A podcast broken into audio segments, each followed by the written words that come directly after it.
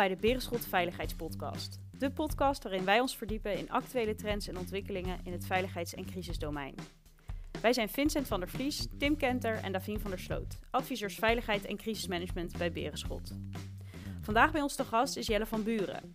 Jelle is universitair docent aan de Universiteit Leiden. Hij houdt zich in zijn huidige onderzoek bezig met de vraag welke rol complotdenken speelt in processen van delegitimisering. We gaan met Jelle in gesprek. Wat is een complottheorie precies? Wat is waarheid en wat niet? En hoe kan je bijvoorbeeld als bestuurder het beste omgaan met complotdenken? Maar eerst een korte blik op de actualiteit. Heren, wat is jullie afgelopen periode opgevallen ten aanzien van complotdenken? Ja, wat mij als eerste toch echt is opgevallen, en ja, dat zal niemand zijn ontgaan, er was iets met democratie in de Verenigde Staten en met verkiezingen. Ehm, en eigenlijk als je het dan toch hebt over uh, complotdenken en uh, desinformatie wellicht ook wel, dan, ja, dan is deze hele verkiezingscampagne en met name natuurlijk de uitkomst nu volgens mij een heel mooi voorbeeld van, um, van hoe in de actualiteit een, uh, een complot op kan komen over natuurlijk de rigged elections. Eigenlijk iedereen zegt van het is onzin. Uh, de media die zeggen het, de democraten zeggen het, de mensen die de, uh, verantwoordelijk zijn voor het stemmen tellen, die zeggen het allemaal van het is allemaal onzin, het is niet rigged. Maar tegelijkertijd heb je gewoon voor onze ogen ontvouwt zich een heel erg groot schouwspel over allerlei complotten die, die zouden kunnen spelen. Um, dat is eigenlijk wat mij is opgevallen. Jelle, mag ik jou vragen wat jou is opgevallen? Jazeker, en ook ik ga even naar het buitenland. Er is vandaag namelijk een mooi rapport verschenen van het uh, onderzoekscollectief Bellingcat. Oh ja. En die hebben nu redelijk weten te bewijzen dat een aantal hardnekkige complottheorieën um, rond de MH17, die ook in en vanuit Nederland actief worden verspreid, dat dat echt wel te linken is aan een aantal inlichtingenofficieren van de Russische inlichtingendienst. En uh, dat laat zien dat waar al langer over wordt gesproken, dat waar het gaat om zeg maar, de introductie en het verspreiden van complottheorieën, dat er soms ook wel een buitenlandse hand in het spel is. Daar is dit een mooi voorbeeld van. Uh, dat wil niet zeggen dat iedereen die in zo'n complot gelooft meteen ook een Russische spion is of voor de Russen werkt. Maar het laat wel zien dat sommige complottheorieën ook heel doelbewust vanuit het buitenland het publieke debat worden ingebracht. In de hoop om hier de boel wat verder te destabiliseren. Dus dat kwam vandaag uh, naar buiten en dat is uh, een relevant gegeven. Ja, mooi. Uh, Tim, heb jij nog iets moois gevonden de afgelopen periode? Nou, ik las gisteren een artikel op de NOS. En dit artikel luidde een agent aan de deur omdat je een complotdenker interviewt. Waarom gebeurt dat? En dit artikel uh, gaat over de YouTuber Flavio Pasquino. En Flavio Pasquino die noemt zichzelf een complotdenker. Hij denkt dus dat de, de overheid er een verborgen agenda op nahoudt, bijvoorbeeld in tijden van de coronacrisis. En hij interviewt voor zijn YouTube-kanaal interviewt hij andere kritische denkers of complotdenkers. Maar hij is dus nu benaderd door de politie. Uh, de politie heeft hem telefonisch proberen contact op te nemen en ze zijn ook bij hem langsgekomen. En de vraag die bij mij eigenlijk opspeelt is: hoe ver mag de politie eigenlijk hierin wel gaan? Het is naar mijn idee geen strafbaar feit. Dus hoe ver kan de politie eigenlijk gaan in het benaderen van andersdenkende of complotdenkers? Hoe zie jij dat, uh, Jelle? Nou, het is wel een opmerkelijk verhaal. Uh, we weten dat de politie met um, regelmaat natuurlijk bijhoudt wat er op de sociale media gebeurt. En ook wat er gebeurt rond complotdenken is natuurlijk wel iets nieuws dat in de gaten wordt gehouden. Soms wordt er heel doelbewust contact gezocht met mensen. Ook gewoon om eens even te kijken wat voor vlees men nou in de kuip heeft. Een soort inschatting te maken. En ook gewoon het contact maken op zich uh, wordt altijd wel als een belangrijk onderdeel gezien om met mensen in contact te kunnen blijven. Um, ik denk niet dat hij wordt geschaduwd. Ik denk niet dat zijn telefoon wordt afgetapt of dat soort um, overtrokken uh, verhalen. Het laat wel zien dat ook binnen kringen van de politie, maar ook de NCTV houdt zich met dit onderwerp bezig. Dat men wel met belangstelling kijkt naar hoe men dit uh, nieuwe fenomeen nou precies moet duiden. De aarde is plat en uh, alles wat men ons vertelt, dat, is, uh, dat blijkt niet waar te zijn. Uh, voor mij is de coronavirus een, een hoax. Mijn idee, mijn vermoeden is dat Bill Gates achter de organisatie van deze corona-epidemie zit. En dat hij dus echt heel hoog in de top zit qua um, machthebbers. MH370 is gebruikt als vliegtuig wat op de crash site is neergelegd van MH17. De verhalen die naar buiten komen via verschillende wegen zijn dat we toch geregeerd worden door een, en ik kan het niet korter en chargeren dan dit, een, een, een in en in slechte, uh, satanistische, bloeddrinkende elite.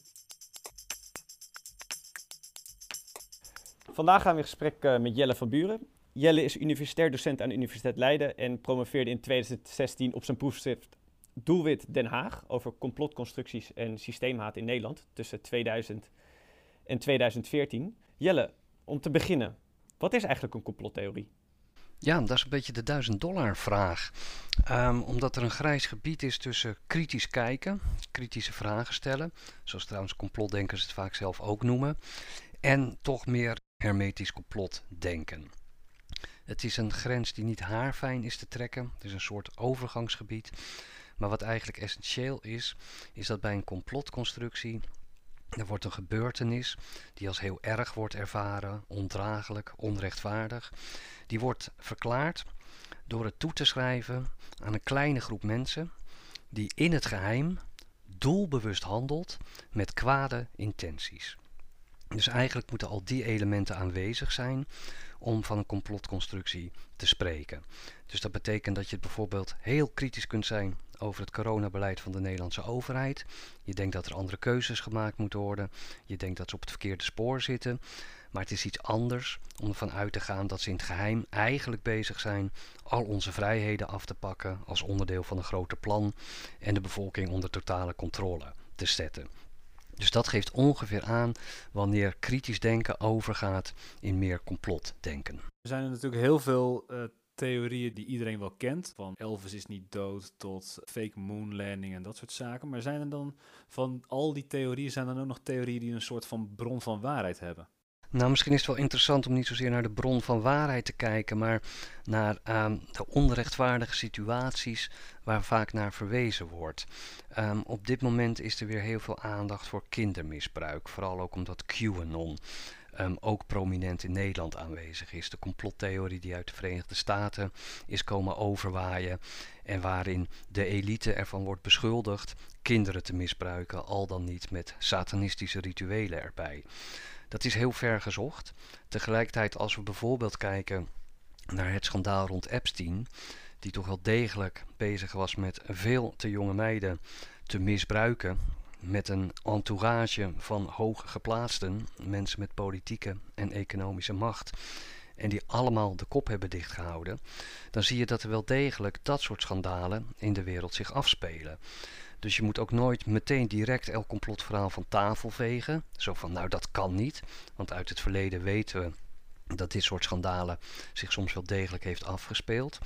Omgekeerd kun je alleen niet redeneren, omdat in het verleden er schandalen zijn geweest, zal het nu ook wel zo zijn. Maar veel complottheorieën refereren aan dat soort historische schandalen die er inderdaad geweest zijn. Jelle, wanneer kan je nou bepalen wanneer je eigenlijk door moet gaan denken over zo'n theorie. Dus wanneer je zo'n theorie eigenlijk moet vastpakken door niet direct te zeggen van nou, dit is echt onzin. En wanneer je eigenlijk zoals bij Epstein toch wel een kern van waarheid in zit. Waar, waar, is die grens heel moeilijk te vinden, lijkt mij. Ja, die grens is ook moeilijk te vinden, maar daar moet je het in eerste instantie serieus nemen. En dat hoeft niet eens precies naar de letter van het complot, maar wel naar wat er achter ligt. Um, op het moment dat het bijvoorbeeld over kindermisbruik gaat, dan weet je bijna naar welke schandalen wordt verwezen. Um, en dan ga je eigenlijk in eerste instantie kijken naar hoe groot wordt dat complot eigenlijk gemaakt. Um, iedereen kan zich voorstellen dat er in de geschiedenis ook kleinere complotjes zijn geweest. Mensen met bepaalde belangen die in het geheim hebben geprobeerd hun eigen belangen te bevorderen. Maar in heel veel moderne complottheorieën wordt het ontzettend groot gemaakt. Er is een vijand die werkelijk aan alle touwtjes trekt, die werkelijk alles kan beïnvloeden, die werkelijk alles kan bepalen, die geen tegengestelde belangen heeft en eigenlijk de hele loop van de geschiedenis weet te beïnvloeden. Nou, op dat moment mag je gaan afhaken, omdat wij weten dat in werkelijkheid er altijd tegengestelde belangen zijn. Dat het bijna niet mogelijk is om een heel groot complot voor altijd verborgen te houden. Dat er nooit eens een keer iets van zal gaan uitlekken. Dus in de maatvoering kun je vaak al wel een idee krijgen van hoe serieus je het moet nemen. We hebben het nu even over Jeffrey Epstein gehad. Dus voor degene die het, die, die het luistert niet weet, het gaat over de miljardair die inderdaad voor misbruikzaken uh, in de gevangenis zat en daar zelfmoord heeft gepleegd. Je noemde net ook even tussen neus en lippen door kleinere complottheorieën. Complot, uh, kun je daar een voorbeeld van noemen wat je daar dan precies mee bedoelt? Ja hoor, er is een aantal jaren geleden bijvoorbeeld uitgelekt dat een klein clubje um, bankiers en financiële deskundigen, die de zogenaamde Libor-rente vaststelden. Oh ja. Dat is een rente die eigenlijk heel erg bepalend is hoe hoog de hypotheekrente per dag wordt vastgesteld. Dat is kennis waarmee je eigenlijk de markten kunt manipuleren. Nou, daar is op een gegeven moment van duidelijk geworden dat zij onderling daar echt afspraken over maakten. En eigenlijk met handel met voorkennis um, zichzelf konden verrijken. Dat is een voorbeeld van een klein afgerond complot, wat wel degelijk in het geheim plaatsvond en bedoeld was om mensen zichzelf te laten verrijken. Maar ik kan ook een ander voorbeeld noemen. In 1980 werd een schip van Greenpeace opgeblazen. Dat protesteerde tegen nucleaire proeven die door Frankrijk werden gehouden. Als ik op dat moment had gezegd dat dit waarschijnlijk was gebeurd door de Franse geheime dienst in opdracht van de Franse president hemzelf, dan was ik waarschijnlijk de studio uitgedragen, want dan was ik een rare complotdenker. Ja. Achteraf is gebleken dat dit toch echt het geval was. En, en, Jelle, we hebben het dus nu over ook wat zaken die in het verleden zijn gebeurd, maar eh, nog eigenlijk heel recent um, heb je ook natuurlijk het verhaal van Pizzagate. Um, hoe kijk jij nou aan tegen deze, tegen deze complottheorieën? Nou, Pizzagate is het voorbeeld van een complottheorie die zeg maar intapt op reëel bestaande misstanden, zoals kindermisbruik. Um, dat, is een, uh, uh, dat is misbruik en dat is een schandaal waar heel veel mensen um, um, zich ontzettend veel zorgen over maken. Het gaat om het meest kwetsbare, kinderen. Tegelijkertijd zie je dat zo'n verhaal mensen uiteindelijk zelfs tot handelen kan laten leiden. Deze man die is naar het befaamde pizzarestaurant geweest, waarvan dan werd gezegd dat in de kelder kinderen waren opgesloten en dat die misbruikt zouden worden door Hillary Clinton en haar entourage. De man is met een wapen naar dat restaurant gegaan, alleen er bleek helemaal geen kelder te zijn. Dus het verhaal bleek niet te kloppen. Maar tot op de dag van vandaag circuleert dat verhaal en zijn er nog steeds heel veel mensen van overtuigd dat het wel degelijk waar is. Dat van die kelder dan misschien niet, maar het verhaal op zich, er is een elite-netwerk dat kinderen misbruikt, dat dat wel degelijk waar is. Hoe kan het nou dat mensen ook nadat dit is gebeurd is, dat mensen toch nog geloven in dit soort verhalen? Waar komt dat nou precies vandaan? Het geloof in dat soort complottheorieën zegt eigenlijk vooral iets over het vertrouwen dat mensen hebben. Uh, complottheorieën lijken over het algemeen heel rationeel te zijn, heel feitelijk te zijn. Mensen gaan op onderzoek uit. Maar eigenlijk is dat niet de kern van de zaak. Het gaat om het vertrouwen wat je wel of niet hebt in instituties of in autoriteiten of in de media of in deskundigen. Als je bijvoorbeeld de media niet vertrouwt, dan zul je ook niet een verhaal vertrouwen waarin wordt uitgelegd dat die kelder er niet was. Als je niet gelooft in wetenschappers, dan zul je ook niet een wetenschappelijk betoog vertrouwen waarin een deskundige uitlegt waarom dit verhaal niet klopt. Um, het is altijd een leuke test om ook bij jezelf te doen. Waarom denk je bij sommige verhalen nou van, nou, het zou kunnen? En waarom geloof je bepaalde verhalen absoluut niet? Dat is niet omdat je zelf over alle informatie beschikt. Dat is eigenlijk haast uitgesloten. Dus ergens vaar je toch op het vertrouwen in de bron van een verhaal.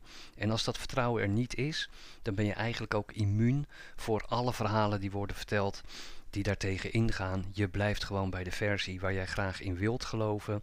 En dat is ook een heel menselijk verschijnsel. We vinden informatie leuker als het ons wereldbeeld bevestigt. En informatie die ons wereldbeeld onderuit haalt, nou, daar zijn we over het algemeen niet zo blij mee. Nou, dat is wel interessant hoor, wat je zegt. Toen ik zelf nog nou, nieuw bakken AIO was ergens in 2005 of 2006 had ik ook een, eh, een AIO-collega. Die had me toen eigenlijk voor het eerst geïntroduceerd ook met de wereld van uh, complottheorie. Want toen had je, dat was dan een jaar vijf na 9-11 op dat moment. Allemaal ook van die complotten gingen er ook over rond. En liet me er ook een hele hoop beelden van zien die in eerste instantie best overtuigend zijn. Ik kan me best voorstellen dat heel veel mensen daarin blijven, in blijven hangen in dat soort uh, zaken. Hoe zie jij dat als je dat hebt over blijven hangen? Ik bedoel, zo'n tunnel natuurlijk op social media, daar wordt er tegenwoordig ook veel over gezegd. Ja, dat maakt absoluut uit. Hè. En dan komen we een beetje uit op het uh, probleem van de algoritme. Als je steeds in één richting wordt gestuurd, waar het gaat over de informatie die je tot je krijgt. En je komt steeds meer in een soort um, um, mediabubbel terecht, waarin allerlei andere mensen zitten die precies hetzelfde vinden als wat jij vindt. Dan wordt dat steeds meer jouw werkelijkheid en je krijgt steeds minder tegengeluiden te horen. Dan wordt het dus steeds logischer dat wat jij hoort, wat jij vindt, wat voortdurend wordt bevestigd, dat dat ook inderdaad zo is. En iedereen die wat anders beweert, die is dus eigenlijk onderdeel van dat complot dat probeert iets te verhullen. Dus het zijn ontzettend hardnekkige verhalen. We zien ook dat ze elke keer weer opnieuw opduiken. Um, bijvoorbeeld uh, de dertien families. Dat is een bekend begrip in de complottenwereld. Dat zouden de dertien families zijn die uiteindelijk aan alle touwtjes trekken. Um, daar kun je een hele lange tijd niets over horen. Tot er plotseling mensen zijn die zich nu, bijvoorbeeld rond de coronacrisis, in allerlei complotverhalen gaan verdiepen. En dan komen ze ook dat verhaal weer tegen. En dat pikken ze op, want dat is voor hun de ultieme verklaring. Zie je wel, daar zit die elite die het slecht met ons voor heeft. En die gaan dat verhaal dan weer opnieuw oprakelen en verspreiden. En dan zie je dat plotseling overal weer opduiken. Dus die verhalen blijven circuleren, die worden gereproduceerd. Uh, die krijgen soms net een ander tintje. Maar als ze er eenmaal zijn, dan kom je er eigenlijk bijna nooit meer van af. We hebben het nu natuurlijk heel erg over de, de complottheorieën die er zijn geweest, de complottheorieën die nu leven. Kan jij een inschatting maken van complottheorieën die mogelijk in de toekomst gaan spelen? Dat is ontzettend lastig, want ik heb die kristallen bol uh, weer niet op mijn tafel staan.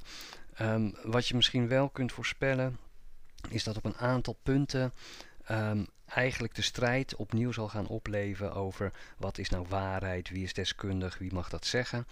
En dat zal zeker in de toekomst weer gaan over de vaccins. Um, er is op dit moment sprake van dat er dan blijkbaar werkzame vaccins um, eraan zitten te komen rond corona. En er is een lange traditie van hele kritische houding ten aanzien van vaccins. Um, soms puur op basis van uh, de overtuiging dat natuurgeneeswijzen beter zijn. En dat je nooit wat voor chemische troep dan ook in jezelf moet spuiten, laat staan je kinderen. Maar rond die vaccins zijn ook meer overtrokken complottheorieën te horen. Uh, dan gaat het erover dat met die vaccins doelbewust wordt geprobeerd het immuunsysteem van mensen te verminderen, waardoor ze kwetsbaarder worden. Tot en met het verhaal dat je in zo'n vaccin een kleine microchip kunt mee injecteren, waardoor mensen um, mind-controlled kunnen worden of onder totale controle uh, kunnen komen te staan. Nou, de verwachting is dat naarmate dat vaccin dichterbij komt, dat er steeds meer verhalen zullen komen over dat vaccins verplicht zullen worden gemaakt. Dat er een vaccinpaspoort komt. Als je dat niet hebt, dan word je buitengesloten.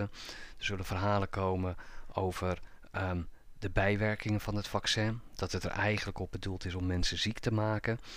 En inmiddels heeft bijvoorbeeld in het Verenigd Koninkrijk hebben de inlichtingendiensten ook gezegd dat ze extra gaan opletten over, op desinformatie rond de bijwerking van vaccins en al het andere wat onrust kan veroorzaken rond vaccins. Dus die kun je eigenlijk wel een beetje uittekenen dat dat het komend jaar um, heel wat um, um, gedoe zal gaan opleveren uh, rond de vaccins.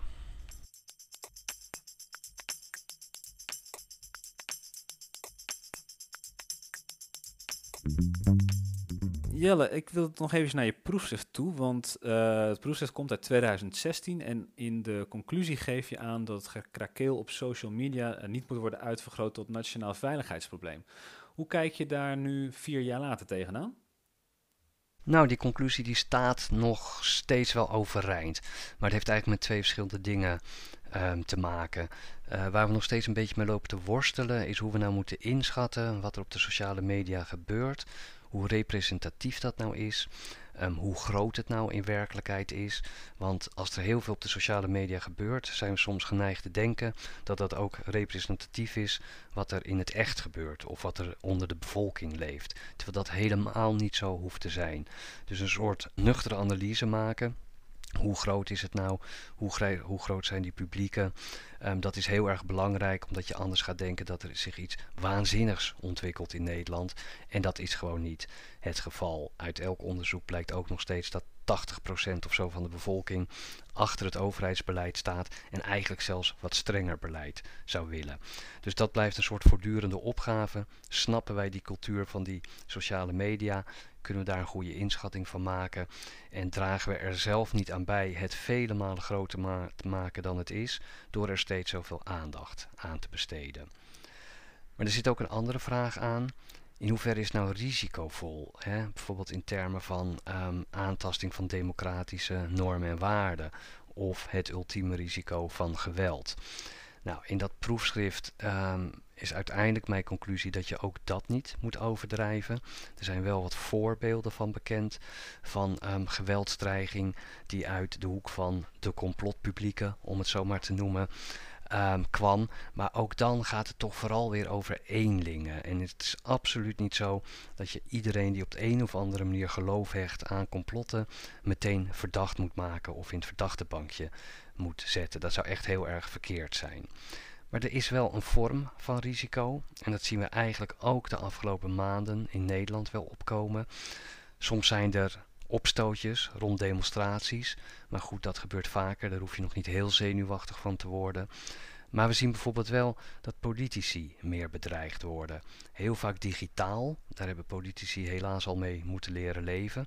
Maar het wordt nu wel feller en je ziet het nu ook op straat gebeuren. Waarschijnlijk kan iedereen zich nog wel die beelden herinneren waarin het CDA-kamerlid Omtzigt op straat werd bedreigd en belaagd. Ja. En daarna heeft de Kamervoorzitter ook gezegd van nou, een aantal politici kunnen niet meer gewoon via de voordeur, via het plein naar huis toe, die moeten we echt een beetje via de achterdeur gaan wegleiden. Nou, eigenlijk worden er dan grenzen overschreden. Uh, wat we ook bijvoorbeeld zien is dat heel veel um, leden van de Haagse politie die optreden bij die demonstraties, die worden consequent gefilmd. Die filmpjes worden verspreid en er wordt actief gezocht naar de namen en adressen van deze functionarissen en die worden dan ook gepubliceerd. Ook daar gaat wel degelijk een dreiging van uit.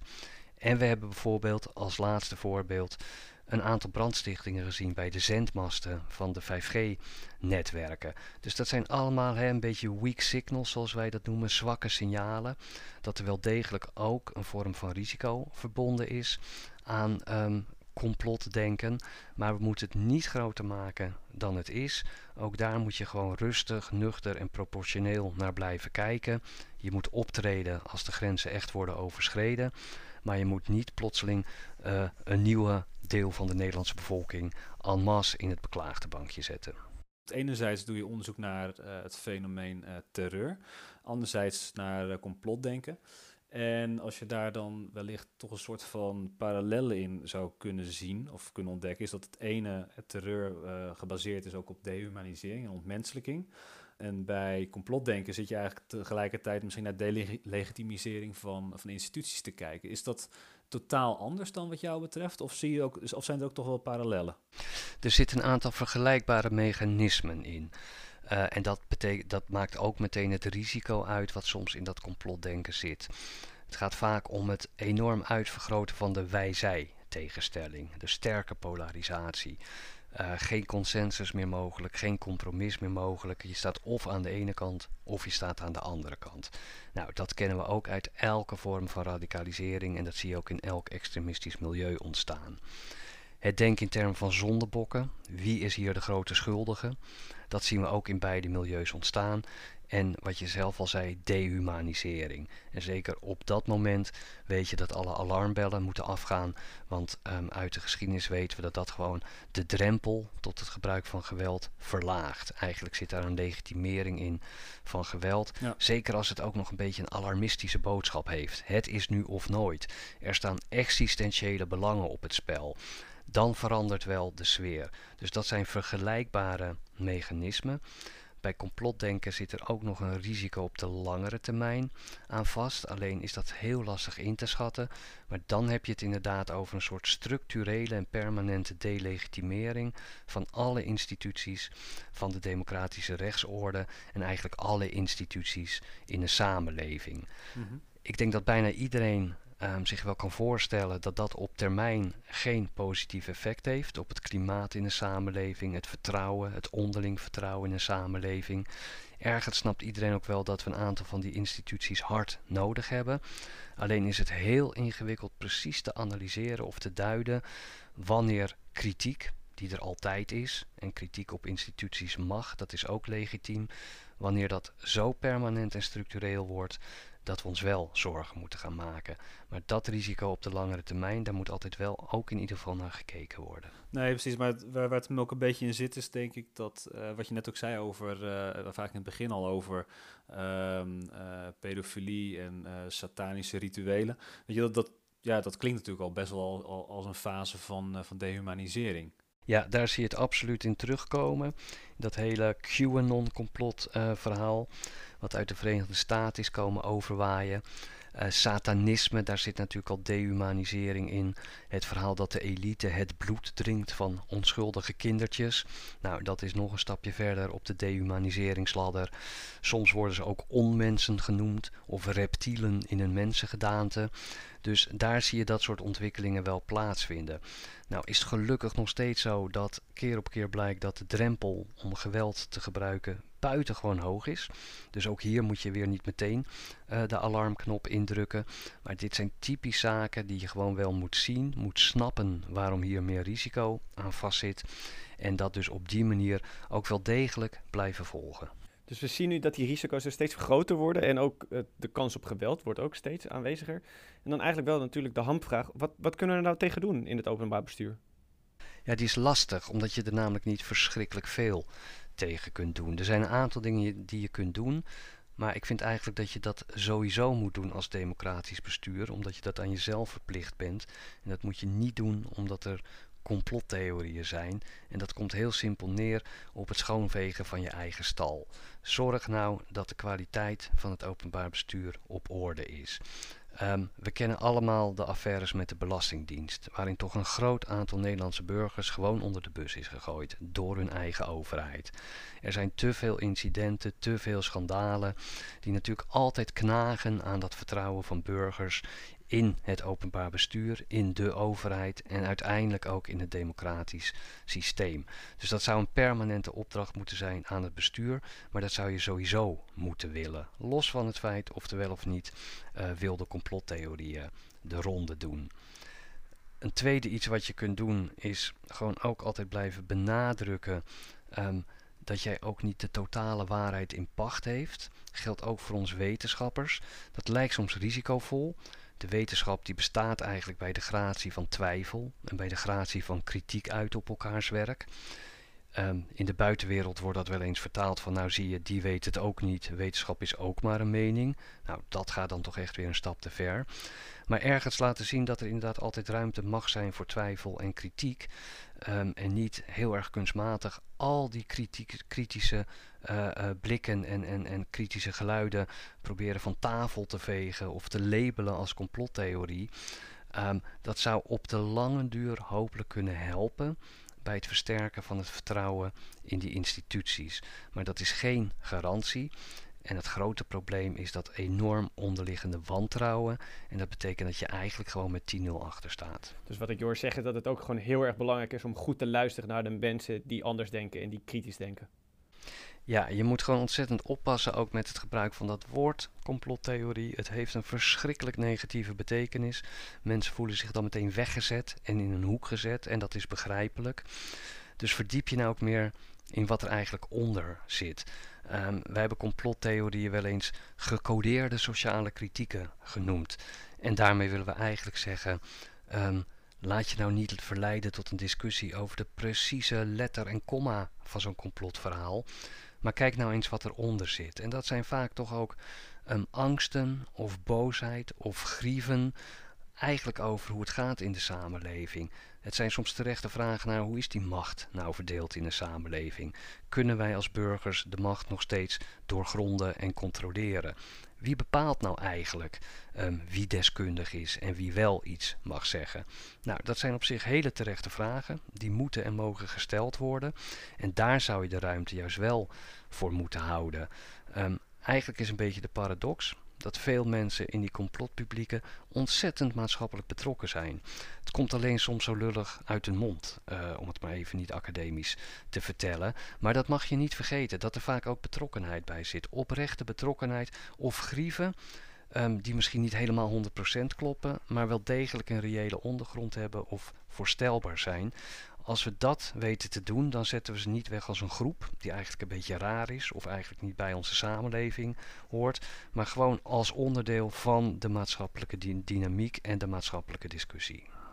Ja, precies. Het is gewoon mensen zoals jij en ik, alleen hebben een ander standpunt dat misschien iets radicaler is dan een ander, maar daarom niet iets wat niet gehoord mag worden. Ja, en um, we hebben heel lang gedacht dat complotdenkers een beetje in de marges van de samenleving zaten.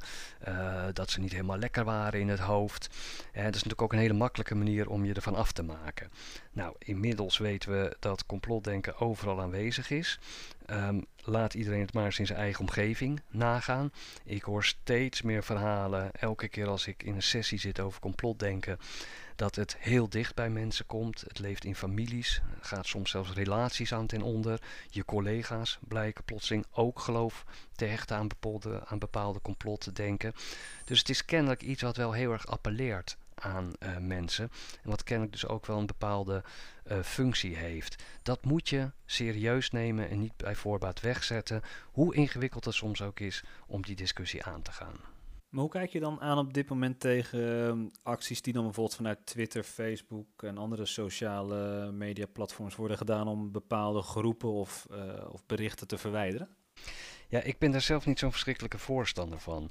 Um, en dat heeft er ten eerste mee te maken um, dat ik eigenlijk niet wil dat grote, buitengewoon machtige private bedrijven gaan bepalen wat de grenzen van vrijheid van meningsuiting zijn. Het tweede is dat het natuurlijk eigenlijk ook weer juist het idee dat je niks mag zeggen, dat er niet naar je geluisterd wordt, dat er een kwaadaardige elite is, dat idee wordt natuurlijk eigenlijk alleen maar gevoed door dit soort ontwikkelingen.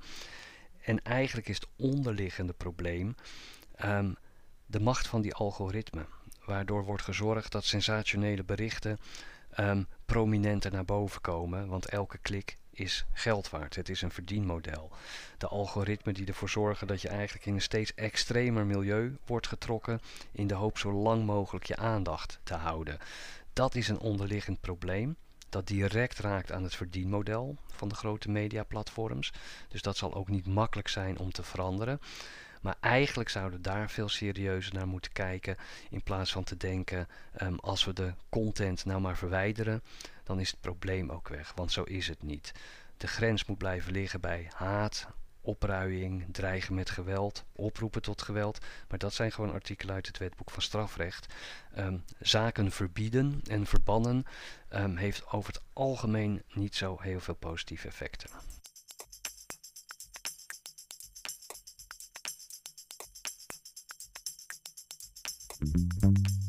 Hartelijk dank uh, Jelle voor je toelichting. Ik vond het ontzettend boeiend om uh, met je hierover in gesprek te gaan. We willen je graag nogmaals bedanken en afscheid van je nemen. Maar niet voordat we toch nog even één laatste vraag uh, hebben gesteld. Namelijk, ik zat in de voorbereiding je proefschrift door te nemen en ik kon het toch niet helpen om dat het me opviel dat, in je, dat je in je hoofdtekst van je proefschrift precies 666 voetnoten hebt. Dat kan toch geen toeval zijn? Shit, je bent de eerste die dit doorheeft. Nou dacht ik dat ik dit zo goed had verstopt en zo goed geheim had gehouden. Maar inderdaad, jij hebt het teken van de beest gevonden in mijn proefschrift. Ja, ik zat te denken, als je dat toch hebt over satanische rituelen en zo, is, is dit toch wel ja. eentje die, uh, ja... Ja, je, je hebt helemaal gelijk en ik zal de rest van het geheim ook verklappen. Je moet het proefschrift eigenlijk van achter naar voren lezen en dan kom je pas de werkelijke boodschap tegen.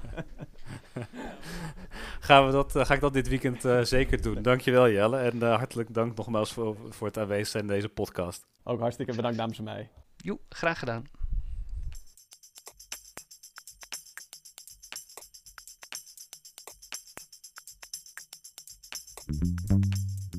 Complotdenken is een fenomeen waarbij gebeurtenissen die als ondraaglijk worden ervaren, verklaard worden door die toe te schrijven aan een kleine groep mensen. Die groep mensen heeft kwade intenties en handelt doelbewust en in het geheim. Hoewel sommige complotverhalen misschien moeilijk serieus te nemen zijn, is het volgens Jelle belangrijk om niet ieder complotverhaal direct van tafel te vegen. Complotverhalen kunnen namelijk een kern van waarheid bevatten, bijvoorbeeld de verhalen over Epstein. En het is belangrijk om oog te hebben voor waar het geloof in complotten vandaan komt. Dat geloof in complotten zegt voornamelijk iets over het vertrouwen of wantrouwen van mensen in instituties, autoriteiten en of de media. Dit wordt versterkt door de bubbel waarin mensen zitten en de algoritme van het internet, waar je net die informatie leest, hoort en ziet die aansluit op jouw beeld. In het openbaar bestuur moet de kwaliteit op orde zijn om het vertrouwen van burgers in de overheid te behouden en te versterken.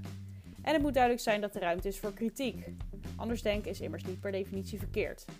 Met name aandacht hebben voor wat er achter het complotdenken zit, wantrouwen en onbehagen, is de belangrijkste opgave. Leuk dat je weer hebt geluisterd naar de Berenschot Veiligheidspodcast. Heb je suggesties voor een onderwerp of wil je meer weten? Neem dan vooral contact met ons op. Onze gegevens vind je onder onze podcast in jouw favoriete podcast-app. En daar kun je je trouwens ook direct op de Veiligheidspodcast abonneren. Wat we de volgende aflevering gaan bespreken is nog een verrassing. We hopen natuurlijk dat je dan ook weer luistert. Tot dan!